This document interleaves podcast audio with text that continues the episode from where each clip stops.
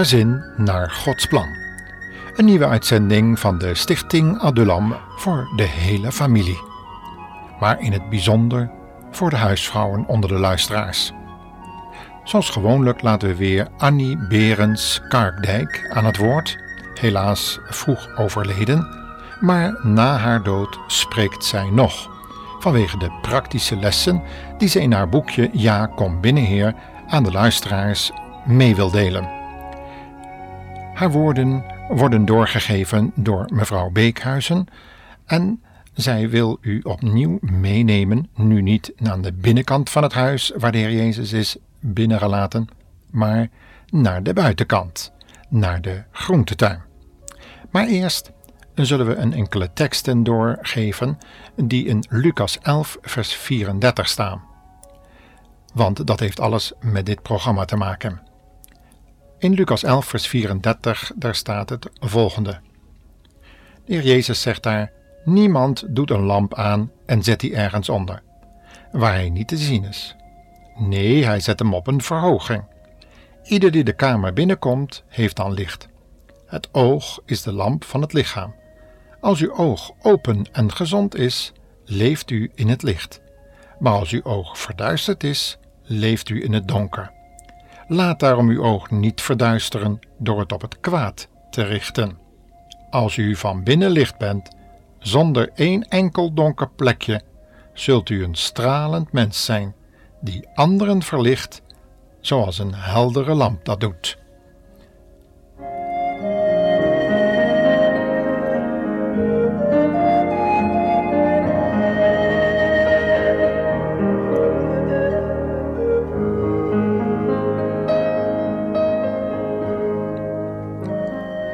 Laten we nu gaan luisteren naar mevrouw Annie Berends Kaardijk, zoals ze dat in haar boekje heeft doorgegeven aan de luisteraars.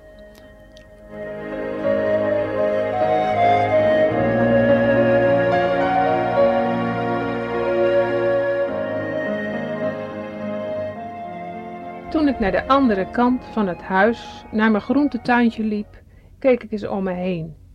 En op dat moment zag ik het tegelpad dat naar de voordeur leidde en viel mijn oog opeens op al die grasprietjes en het onkruid dat tussen de tegels groeide. Ook dat nog. Ik keek of de heer toevallig ook keek. En dat deed hij net op dat moment. Ja, dat pad leidde naar de deur en ik wist met zekerheid dat het er beslist bij hoorde. Ik bedoel, bij mijn huis. Ook wist ik dat dit pad wel een bedoeling had. Ja, ik wist dat het er ook schoon en verzorgd uit moest zien, omdat de entree van het huis van een opnieuw geboren kind van God er precies zo uit moest zien als het huis aan de buitenkant. Het zou er af moeten stralen, zodat wie hier aan zou bellen iets zou vermoeden en zich af zou vragen: wat heeft deze bewoonster wat ik niet heb? Toen het tegelpad schoon was, straalde ik. Ik hoorde dat de Heer mij riep. Zijn aandacht werd getrokken naar een plekje rechts van het nieuw ingezaaide bed. Wat is dat daar? Het is net alsof er voorzichtig wat zand is afgehaald en het er daarna weer bovenop gelegd is. Kan je daar een uitleg van geven? Hij keek me aan en vroeg om uitleg. Nou, die had ik. Oh, dat heb ik uh, gisteren gedaan, heer. Ik wilde even kijken of het zaadje dat ik er vorige week ingezaaid heb al opkwam en of het al ontkiemde of groeide, want aan de bovenkant zag ik nog niets. Jammer dat je dat nou deed. Weet je wat je gedaan hebt? Doordat je ging kijken en er met je vingers aan hebt gezeten, heb je dat zaadje afgebroken in de grond en er het zand weer bovenop gelegd alsof er niets was gebeurd. Je hebt het waarschijnlijk helemaal kapot gemaakt. In elk geval heb je de groei belemmerd. Het zaadje heeft opnieuw de tijd nodig. Ja, het moet de verloren tijd weer inhalen. Als het de tijd nog kan inhalen.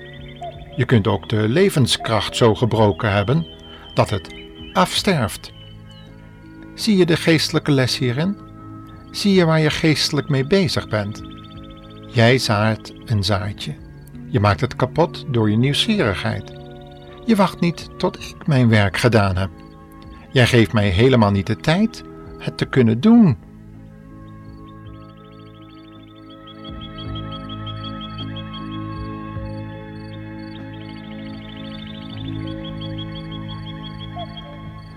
Ging even op de bank zitten en voelde hoe moe ik was.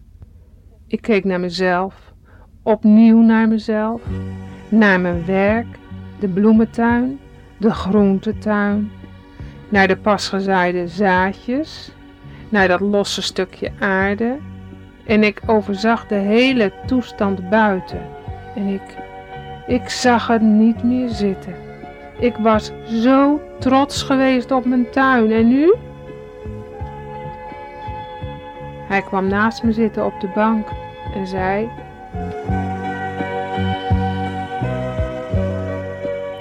Zeg, waarom ben je nou zo verdrietig? Waarom zie je het niet meer zitten? Weet je niet dat ik je nu een stuk van je oude leven heb laten zien? Zoals dat paste bij jou voor je mij binnenliet. Maar nu je mij hebt binnengelaten, is dat toch heel anders geworden. Je weet nu toch dat je ook die hele buitenboel van jou aan mij kunt overdragen? Dat je mij in de bloementuin en de groentetuin binnen kunt laten? Dat ik je wil helpen zaaien en planten? Dat ik er nu bij ben om je te zeggen hoe je het moet doen, zodat we straks samen de vruchten uit de eigen tuin kunnen halen? Weet je dat ik je nu maar één ding vraag? Wil je mij door het raam naar binnen laten kijken? Wil je mij meenemen naar die twee tuintjes van jou, je bloemen en je groentetuin? Want het raam en de tuin, ja, die hele buitenboel horen bij je huis, waar je mij hebt binnengelaten. Ja, waar ik nu Heer ben. Ik wil ook graag Heer zijn over de buitenboel, begrijp je? Zeg, en ik wil ook nog even spreken over die Rita, weet je wel? Daar heb je ook iets dergelijks gedaan, zoals je er net met dat zaadje hebt gedaan. Je was zo nieuwsgierig en ongeduldig. En uh, wat dacht je? Rita, heb je gevraagd, heeft de Heer al wat bij jou gedaan? Heb je, ga je? Weet je nog wat Rita toen zei? Laat me met rust, had ze geschreeuwd. Jij met je eeuwige nieuwsgierigheid? Nee, de Heer heeft niets gedaan. En ik wil ook helemaal niets meer te maken hebben met hem. Ik wil niet dat hij iets doet in mijn leven. Weet je, dat gezaaide zaadje, dat kapotgemaakte zaadje, zo deed je dat toch? Jij loopt voor mij in plaats van achter mij. Kijk, je moet leren omgaan met diegene waar jij een geestelijk zaadje mocht zaaien. Je moet leren dat het heel teer is en dat ik alleen het de wasdom geef dat ik je daarna wel roepen zal om het te verzorgen als het zover is. Weet je ook dat dat ene zaadje veel vlugger boven de grond staat dan het andere? En als het er boven staat, dat ik het dan weer in handen geef om het te verzorgen, te besproeien als het dorst heeft en om het volkomen onkruidvrij te houden? Daar wil ik jou voor gebruiken, maar jij moet wel naar mij luisteren. Weet je wat je heel goed moet onthouden? wat een levensregel voor jou moet gaan worden? Dat ik alles doe wat ik kan doen, maar dat ik niets doe wat jij zelf kan doen. Zo werken we samen op, hè? Kan je het begrijpen? Zeg, luister je nog wel? Echt, kan je het begrijpen?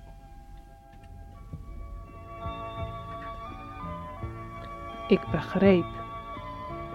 Toen brak de zon weer door en verwarmde me met zijn stralenbundels. Daar op de bank. En ik werd opnieuw blij dat ik hem toch binnengelaten had. En ik zei: Kijk maar door mijn raam naar binnen, heer, en wandel maar door mijn tuin.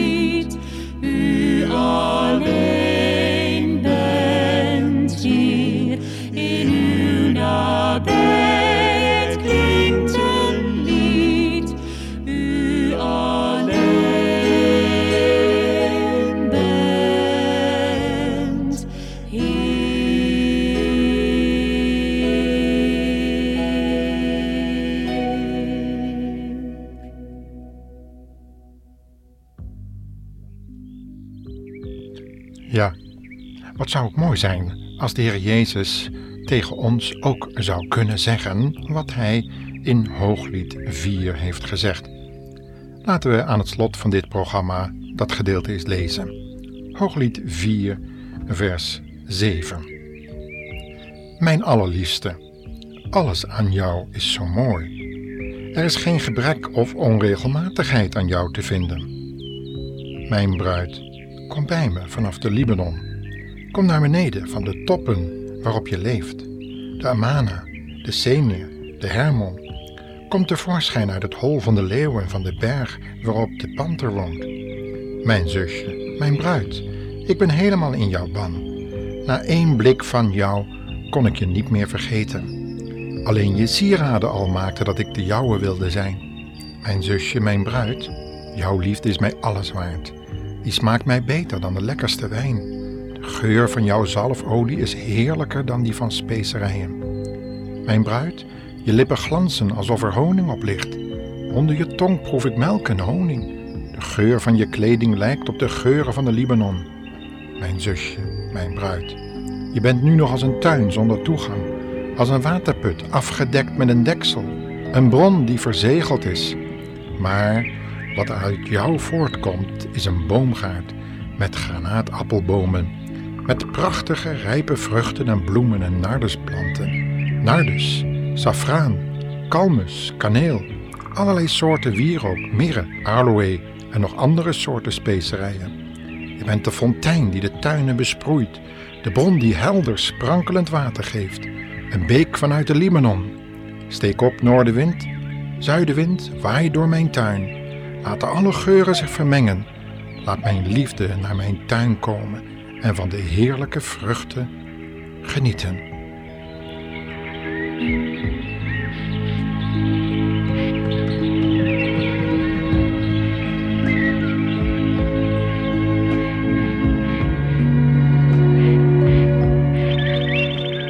Dit hooglied is speciaal geschreven om de verhouding tussen God, de Messias en Israël te kenschetsen.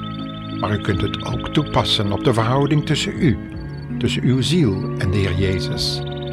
En zoals Annie Berends Kaartdijk nu reeds in de heerlijkheid geniet van die heerlijke paradijselijke tuin waar iedereen heen gaat die nu de Heer Jezus heeft aangenomen. Mag ik u vragen, heeft u de Heer Jezus al aangenomen? In de volgende programma's zullen we daar verder over nadenken. God zegen u, luisteraar.